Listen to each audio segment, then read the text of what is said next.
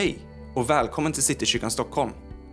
Här finner du varje vecka undervisning och predikan som vi hoppas ska hjälpa dig att lära känna Gud och upptäcka allt som han har kallat dig att vara.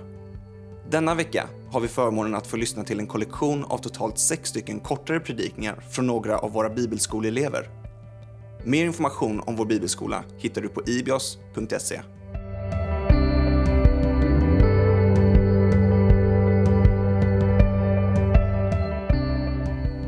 Jag tänkte att vi skulle utgå från eh, Matteus kapitel 14, eh, vers 13 till 21. Eh, där det står om eh, när Jesus mättar 5000 män. Eh, så innan, innan vi läser om detta så, så, så kan vi se tidigare hur, hur eh, Jesus har varit i Nasaret, hans hemstad. Eh, han har blivit avvisad. Eh, han har varit i synagogan och, och, och liksom preachat. Men det har liksom inte tagits emot för att de känner igen hans bakgrund. Eh, de vet att han är snickare och de funderar lite var, var han fått den här visheten ifrån. Eh, så, så Jesus drar därifrån. De är liksom inte mottagliga för, för evangeliet. Eh, och samtidigt har eh, Johannes döparen blivit, blivit mördad av eh, Herodes. Eh, så när vi kommer in i detta bibelstället så, så um, i vers 13 här så har, så har lärjungarna fått höra om detta. Eh, det står mm, från vers 13. När Jesus hörde detta for han med båt därifrån till en enslig plats där de kunde vara för sig själva. Men folket fick höra det och följde efter honom till fots från städerna. När han steg ur båten fick han se en stor folkskara och han förbarmade sig över dem och botade de sjuka bland dem. På kvällen kom lärjungarna fram till honom och sa Platsen här ligger ensligt till och, den, och det är redan sent. Sänd iväg folket så att de kan gå in i byarna och köpa sig mat. Jesus sa till dem De behöver inte gå härifrån. Ge ni dem att äta. De svarade Vi har bara fem bröd och två fiskar här. Eh, och Jesus sa, hämta hit dem till mig. Sedan befallde han folket att slå sig ner på gräset. Eh, och han tog de fem bröden och de två fiskarna, såg upp mot himlen, tackade Gud, bröt bröden och gav dem till lärjungarna. Och eh, de gav dem till folket. Alla åt och alla blev mätta. Och lärjungarna plockade upp de överblivna styckena, tolv korgar fulla. De som hade ätit var omkring 5000 män, förutom kvinnor och barn. Eh, jag skulle vilja stanna lite vid vers 17 och 18 där det, där det står att Jesus sa till dem, du bör, eh, förlåt, 17. De svarade, vi har bara fem bröd och två fiskar här. Och han sa, hämta hit dem till mig. Eh, här kan vi se hur lärjungarna tar det som, det som de har tillgängligt. Mm. Fem bröd och två fiskar. Ja. Och, och Jesus sen gör resten. Eh, och precis på samma sätt tror jag det är med våra liv. Jag tror att vi alla kan känna igen oss, att, i, oss i känslan av att inte riktigt ha det, det som krävs alltid. Man känner sig lite liksom, vad har jag att ge? Vad, vad kan jag komma med? Men när vi ger det vi har till Gud så, så kan han göra fantastiskt stora saker eh, med det. Eh, ofta så ser vi på folk eh, som kanske har ett stort ministry eller vad som helst som bara, alltså, jag kommer aldrig kunna bli som den där personen. Han, han har så mycket, eller hon har så mycket. Eh, men, men jag tror inte vi får, får, får, glömma bort att det är liksom inte personen som gör, som gör det, utan det är Gud. Eh, så så när, vi, när vi jämför oss med andra så, så, så får vi inte jämföra oss med att, med att den där personen har så mycket utan vi har alla, vi räcker inte till någon av oss egentligen. Men när vi ger det till Gud så, så kan han göra fantastiskt stora saker. Så ett exempel på detta som vi kan se i Bibeln är Ananias. Eh, det står inte mycket om Ananias egentligen. I Apostlagärningarna 9 så kan vi läsa lite om hur, hur Ananias får vara del av, av av eh, liksom Guds stora plan med Paulus liv, eller Saul som han som han kallades. Det var liksom innan han, innan han blev frälst. Han, han förföljde kristna, han mördade kristna, det var liksom hans main goal. Eh, och ni kan storyn att när han är på väg till eh, Jerusalem så, så kommer Gud över honom och, och gör Saul blind. Eh, och, och när, när, när Saul då är i Jerusalem fortfarande blind av detta så, så, så säger Gud till Ananias som är, som är en helt vanlig kristen i Jerusalem som bara han, Bibeln säger liksom ingenting om Ananias, vem är han liksom? Han, han är en helt vanlig, vanlig person precis som du och jag. Eh, men, men han hade liksom han hade ett hjärta av att ge det lilla han hade eh, liksom till Gud. Så när Gud då kallar på Ananias som har det här hjärtat av att göra det Gud säger. När, han, när, när Gud kallar på Ananias att gå till Saul så vet Ananias precis vem Saul är. Eh, och, och, vem som helst hade varit livrädd i den situationen att, mm. att okej, okay, Gud kallar mig till att gå och besöka Saul som, som förföljer kristna, som är liksom, han, han kommer vilja mörda mig. Eh, men, men, Gud säger åt mig att jag ska gå dit och lägga händerna på honom och, och han ska bli botad. Eh, eh, men, men Ananias, Ananias går dit. Han lägger händerna på, på Saul och, och, och Saul kan se igen och, och bli frälst. Liksom. Det, det, här får vara startskottet för hela Paulus, Paulus nya liv med, med Kristus. Och, eh, som senare liksom skriver halva Nya Testamentet och planterar massor av församlingar. Så, så en helt vanlig kristen liten, liten kille som, som, som Ananias gör en, gör en enkel sak genom att bara gå, gå och lägga händerna på, på det här. Han gör det Gud säger. Han gör, ger det lilla han kan till Gud. Eh, och, och um, Det får vara startskott för allt detta som, som händer i Paulus liv. och liksom får ha sån stor inverkan. Mm. Eh, så detta, detta är vanliga kristna som du och jag, mm. som ger det de har till Gud och tillåter Gud att ta över spakarna. Mm. Eh, och Gud gör sin grej liksom. Eh, och ingen av oss har för lite att ge. Eh, för det är inte vi som gör jobbet utan det är Gud och det, det vill jag liksom poängtera att, att, och, och påminna om att, att vi, vi har inte för lite att ge utan, utan vi ger det lilla vi har till Gud och, och Gud gör resten. Highlighta för er idag. Amen.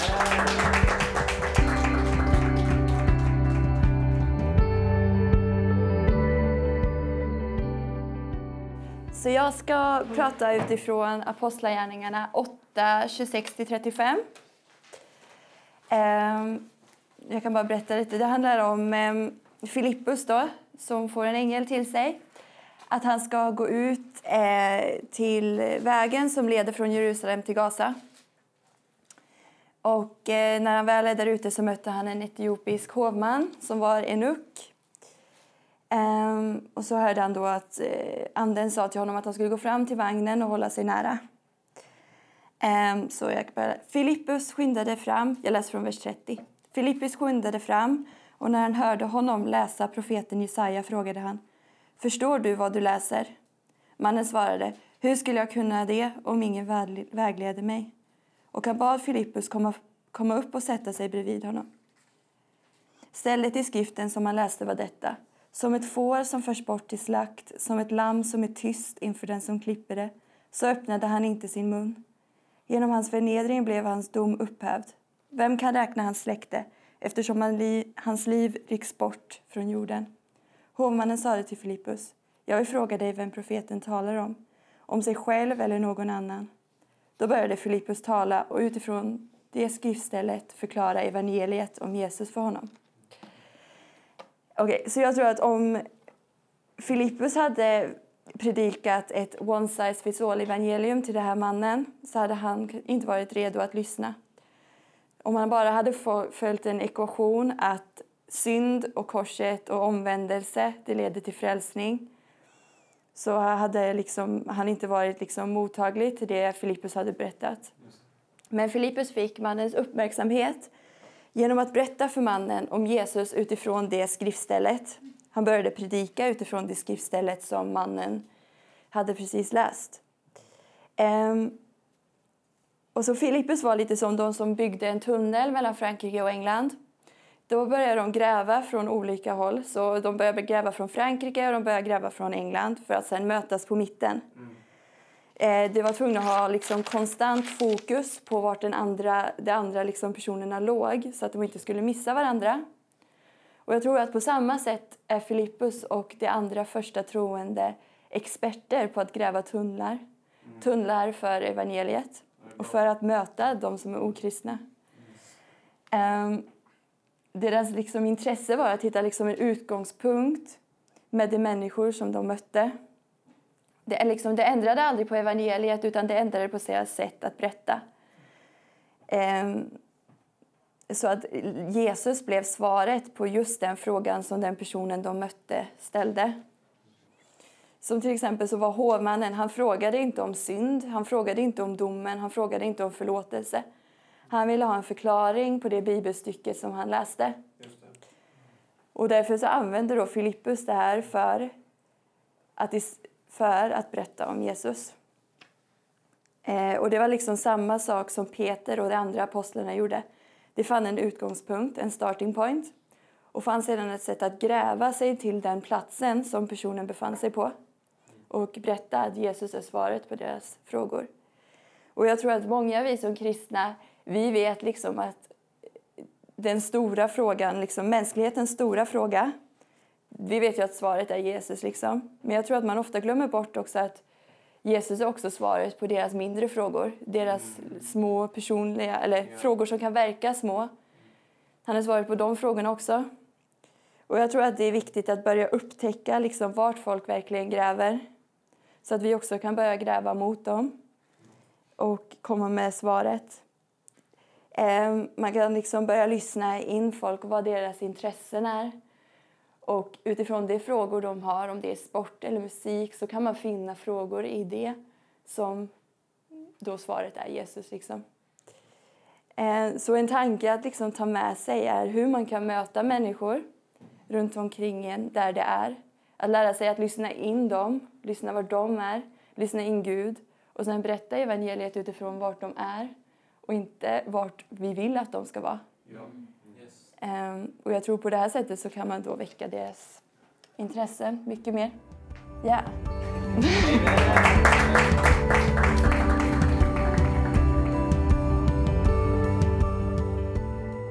yes. Um, jag fick en liknelse från Matteus 14 och 24. Det är liknelsen om ogräset. Så ni får gärna slå upp det. Jag tänkte, eller jag tänkte på det precis innan också, det är ganska gött. För det känns som Jesus är inne i ett flow av liknelser här. Och precis innan så lärjungarna frågar varför han gör det och så svarar han och sen så drämmer han till med några till. Det är ganska gött. um, så Matteus 13 och 24. Så det så här. En annan liknelse framställde han för dem. Himmelriket är likt en man som sådde god säd i sin åker. Men då folket sov kom hans ovän och sådde ogräs mitt ibland vetet och gick sedan sin väg. Men när, eh, när nu säden sköt upp och gick i ax visade sig också ogräset. Då gick tjänarna till sin herre och sa Herre, vi sådde du god säd i din åker.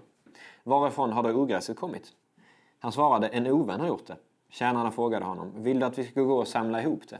Nej, svarade han. Om ni rensar bort ogräset kan ni på samma gång rycka, rycka upp vetet.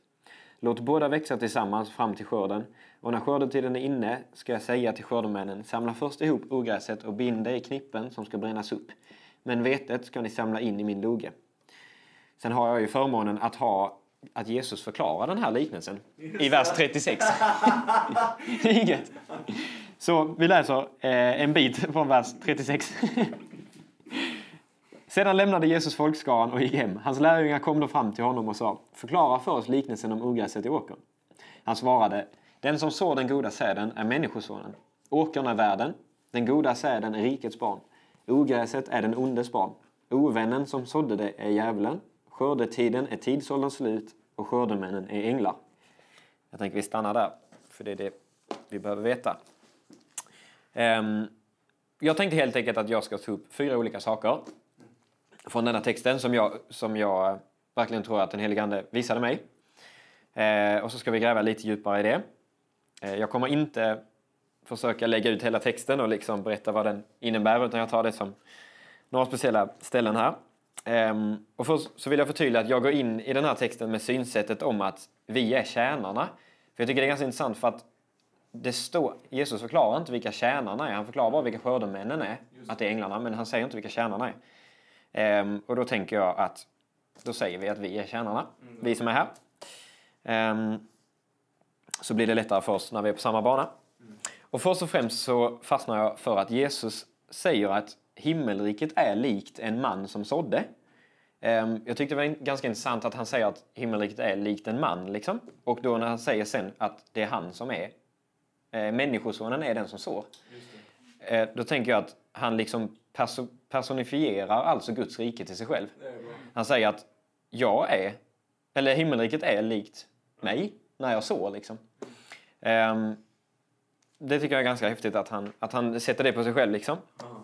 Och i vers 25 eh, där det står Men då folket sov kom hans ovän och sådde ogräs mitt ibland vetet och gick sedan sin väg. Så fastnar jag för två saker. Det första är att ovännen kommer och så ogräset när folket sover. Um, och då tänker jag lite att djävulen kommer alltså inte och så ogräs i den åkern som Gud har gett oss och den liksom, de människorna som vi har runt om, runt om oss som vi har, ja, som Gud har satt oss till att vara ledare över till exempel. Djävulen kan inte komma och så någonting om vi vakar över dem.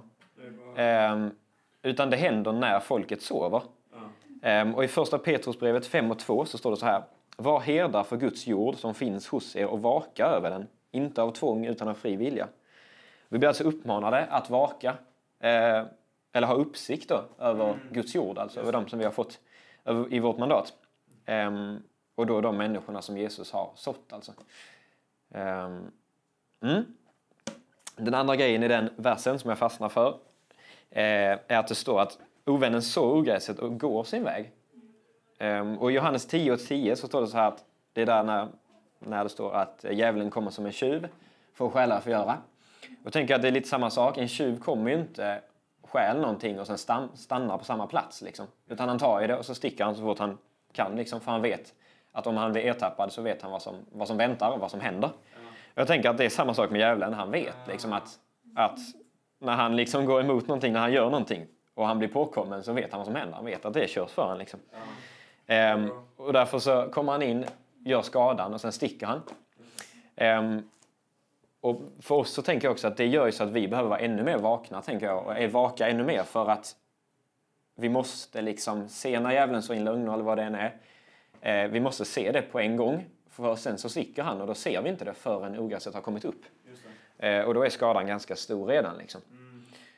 Mm. Um, och sen den sista tanken så är det att jag gillar i vers 28. Eh, jag tycker att han Herren då, Jesus alltså, han verkar sjukt lugn. För de frågade honom, vem, var har det kommit ifrån? Och han svarar, en ovän har gjort det. det är liksom, mm. han, han vet det. Det är som att han visste det sen innan. Bara, ja, men, det är en ovän som har gjort det. Han, han verkar sjukt lugn i alla fall. Eh, och jag som, på den känslan som jag, jag får ut av det så, så helt enkelt så verkar han veta att, att det skulle komma. Liksom. Eh, och han ser inte det som en big deal. Utan eh, istället så tar Jesus detta till en lärdom för oss. Han tar alltså det som djävulen har sått in liksom. Och om, om vi då lyckats med, misslyckas med att, att vaka över det som vi har fått, om vi misslyckas med det så, så kommer han inte att bli sur utan han bara, ah, men det var en ovän som gjorde det. Det är sånt som händer lite. Och istället så vänder han på det och gör det till en lärdom för oss för han förklarar sen yeah. för tjänarna vad de ska göra. Um, I ett väldigt kärleksfullt sätt. Um, och det tror jag att vi kan ta med sig då.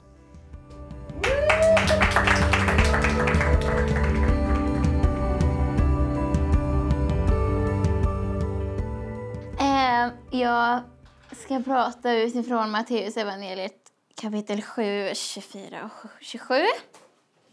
Eh, jag tänker att jag läser det.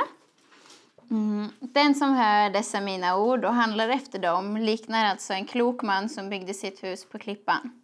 Regnet öste ner, floden kom och vindarna blåste och kastade sig mot huset, men det föll inte, för det var grundat på klippan.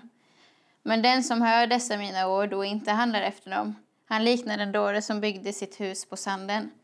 Regnet öste ner, floden kom och vindarna blåste och slog mot huset och det föll samman och dess fall var stort, eller det blev stort. Ehm, det här är den sista delen i bergspredikan. Ehm, och den handlar om hur Jesus vill hjälpa oss och vägleda oss i att bygga en trygg, grund i våra liv. Ehm, och Jesus illustrerar detta i att berätta om två personer som bygger sitt hus på olika sätt. Den ena väljer att bygga på klippan och den andra väljer att bygga på sand. Eh, men sen när stormen kommer så är det bara ett hus som står kvar, det som är byggt på klippan. Eh, de båda verkar vara kristna, tänker jag, eftersom båda lyssnar liksom, till Gud. Men eh, jag tänker att det är skillnad på att lyssna och, på att lyssna och ta till sig. Eh, och det är bara en där som verkligen lyssnar och tar det liksom in till hjärtat. Um, och jag tänker när vi vill bygga en större grund i våra liv så tror jag det grundar i att vi um, lyssnar och att vi är stilla inför Gud när vi läser Bibeln. Um, och att vi lyssnar och tar till oss det som vi uppfattar att Gud hör. Nej, äh, Gud säger. um, och att vi låter hans ord få sjunka in i våra hjärtan. Eh, och att vi låter det liksom få påverka det vi vill se liksom. Och det som vi vill höra och ta till oss. Eh, och det som vi vill handla liksom genom händer och dit vi vill gå med fötterna och så. Ehm, och jag eh, jag kom på en, den här andaktsboken som jag har haft ehm, när jag förberedde det här. Ehm, och eh, det påminner mig väldigt mycket om det här att vi liksom ska lyssna och så. Så jag tänkte berätta lite ur den. Um, det handlar om ett radioprogram och eh, vars en man intervjuas då som han eh, höll på att drunkna för han, han gav sig rätt ut och skulle simma ut i havet. Och så när han skulle vända om och simma tillbaka så insåg han att det var för strömt så han kunde inte komma tillbaka. Um, så han fick panik och ja, han eh, gav väl liksom upp. Men eh, sen så valde han liksom på något sätt att lyssna. Och så hör han hur de från strandkanten, badvakten, ropar att de kommer rädda honom, att de kommer komma med en båt. Mm. Um, Mm. Så, så här står det då när han berättar om den här badvakten. Och sen så står det så här. Eh, om Jesus är ordet så måste jag vara örat. Johannes säger att det viktigaste vi kan göra är att börja lyssna. Det finns någon som ropar ditt namn, som känner till din situation och som vill hjälpa dig. Jesus är ordet från Gud om ditt liv och in i ditt liv. Det du behöver göra är att lyssna och försöka uppfatta vad Gud faktiskt vill säga dig genom Jesus. Och så är det alltid en andlig övning. Och så står det så här. Eh, försök att lyssna efter Jesu röst idag. Han talar ständigt in i ditt liv och om ditt liv. Stanna upp en gång på förmiddagen, en gång på eftermiddagen och en gång på kvällen och försök att lyssna in hans röst.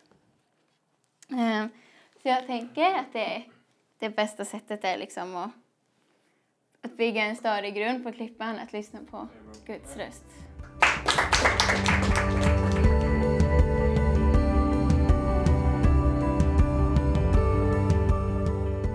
För en halv månad sedan, jag satt på tåget på vägen hem till Insjön, så satt jag och läste Bibeln lite och då kom jag över Lukas 13, 6-9. Liknelsen om fikonträdet som inte bar frukt.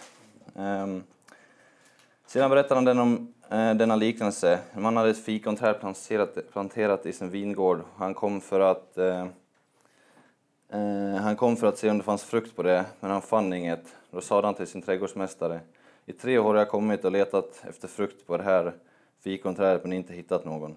Hugg ner det, varför ska det få suga ut jorden?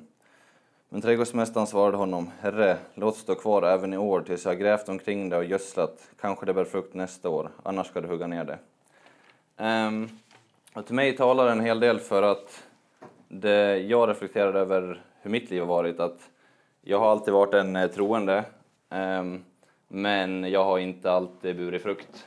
Så jag har själv varit fikonträdet som har stått i hans vingård och bara sugit energi egentligen utan att, utan att ge någon frukt som det är meningen att vi ska göra i livet. Liksom.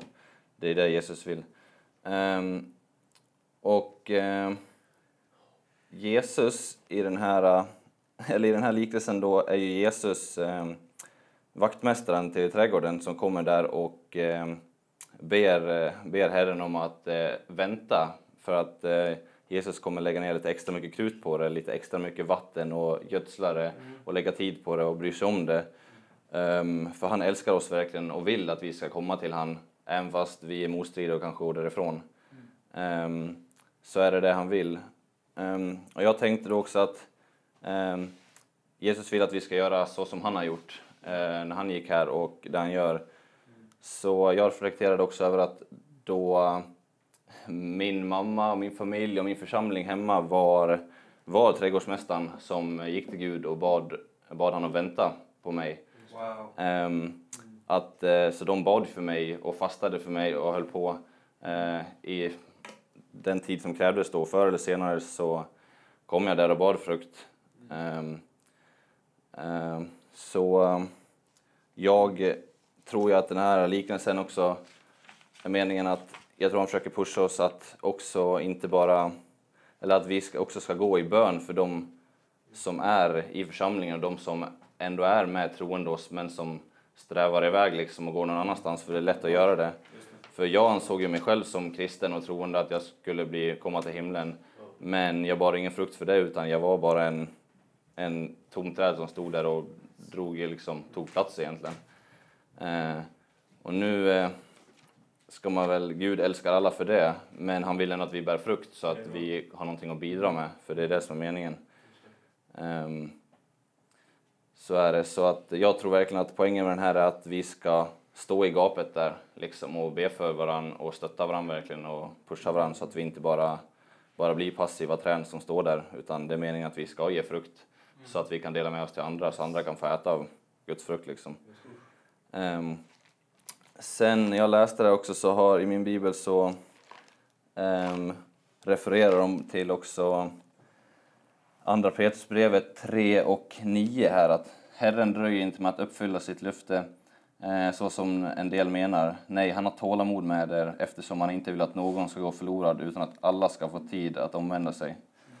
Um, och sen också i 10 står det eh, men Herren, Herrens dag kommer som en tjuv. Då skall eh, ska himlarna försvinna under ett våldsamt dån och himlakropparna upplösas av hetta på jorden.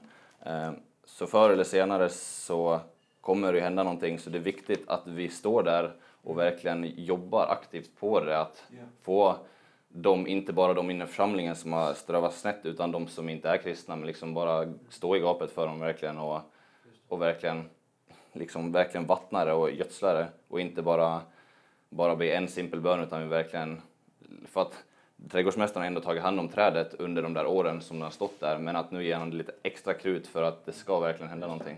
Så jag tror det är viktigt att vi gör det, verkligen, verkligen jobbar för det liksom.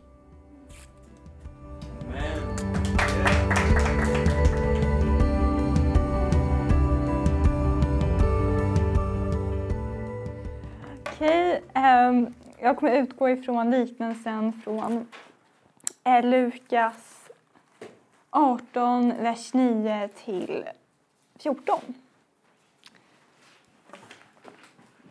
Och det står så här. Det handlar om en farisé och en tulldrivare. Jag kan skriva upp. Farisé och en tulldrivare.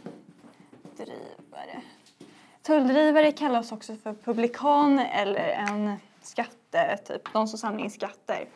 Och redan i början så märker vi innan jag jag kan ge lite bakgrundsfakta. Fariséer var ju religiösa ledare som man såg upp till, folket såg upp till dem. Och tulldrivare, det var det judiska folket såg ner på dem, för oftast människor som, de var oftast judar. Och det var de som samlade pengar och de tog oftast höga räntor till den som regerade. Eh, så de var, de var väldigt rika också. Så. Eh, ja, vi kan börja läsa. Så från vers 9 står det. Till, no till några som litade på att de själva var rättfärdiga och som såg ner på alla andra riktade han denna liknelse. Två män gick upp till templet för att be. Den ena var farisé och den andra tulldrivare. Farisén ställde sig och bad för sig själv. Jag tackar dig Gud för att jag inte är som andra människor, tjuvar och bedragare, horkarlar och, eller som tulldrivaren där. Och här märker vi att fariséer under den tiden de tyckte att alla judar som inte följde lagen, de var syndare. Så det märker vi här. Han likställer publikanen med alla de här andra. Jag fastar två gånger i veckan och, och lämnar tionde av allt det jag köper. Och här, han gjorde ingenting så mycket större för att fariséer under den tiden hade som vana att de, liksom, de fastade två gånger i veckan och de gav tionde. Så han gjorde bara det som krävdes av honom. Han gjorde ingenting mer egentligen. Eh, ja. Och sen så märker vi även med tulldrivaren från 13. Men tulldrivaren stod avsides och vågade inte ens blicka, Eh, lyfta blicken mot himlen utan slog med händerna mot bröstet och sa att när man slår med händerna mot bröstet det betyder att han ångrar sig väldigt djupt. Liksom. Så han vågade inte ens se mot himlen. Ja, Gud var nådig mot mig syndare. Och om man läser från Timoteus ehm, 1 och vers 8 så ser man någonting intressant här. Men vi vet att lagen är något gott och man brukar, om man brukar den rätt. Och sen 9. Och tänk på att den som inte är eh, och tänk på att den inte är till rätt, rättfärdiga utan för de som lever utan lag och ordning, för gudlösa syndare och bla bla bla. Så går det vidare med alla människor som syndar. Så. Um, alltså lagen är till för sådana människor som honom, alltså för att de ska kunna se att de syndar. För han var gudscentrerad, men han var självcentrerad. Och han, såg, alltså, han tyckte att han var rättfärdig, för det är klart, när han jämför sig med alla andra som är syndare, det är klart han verkar rättfärdig.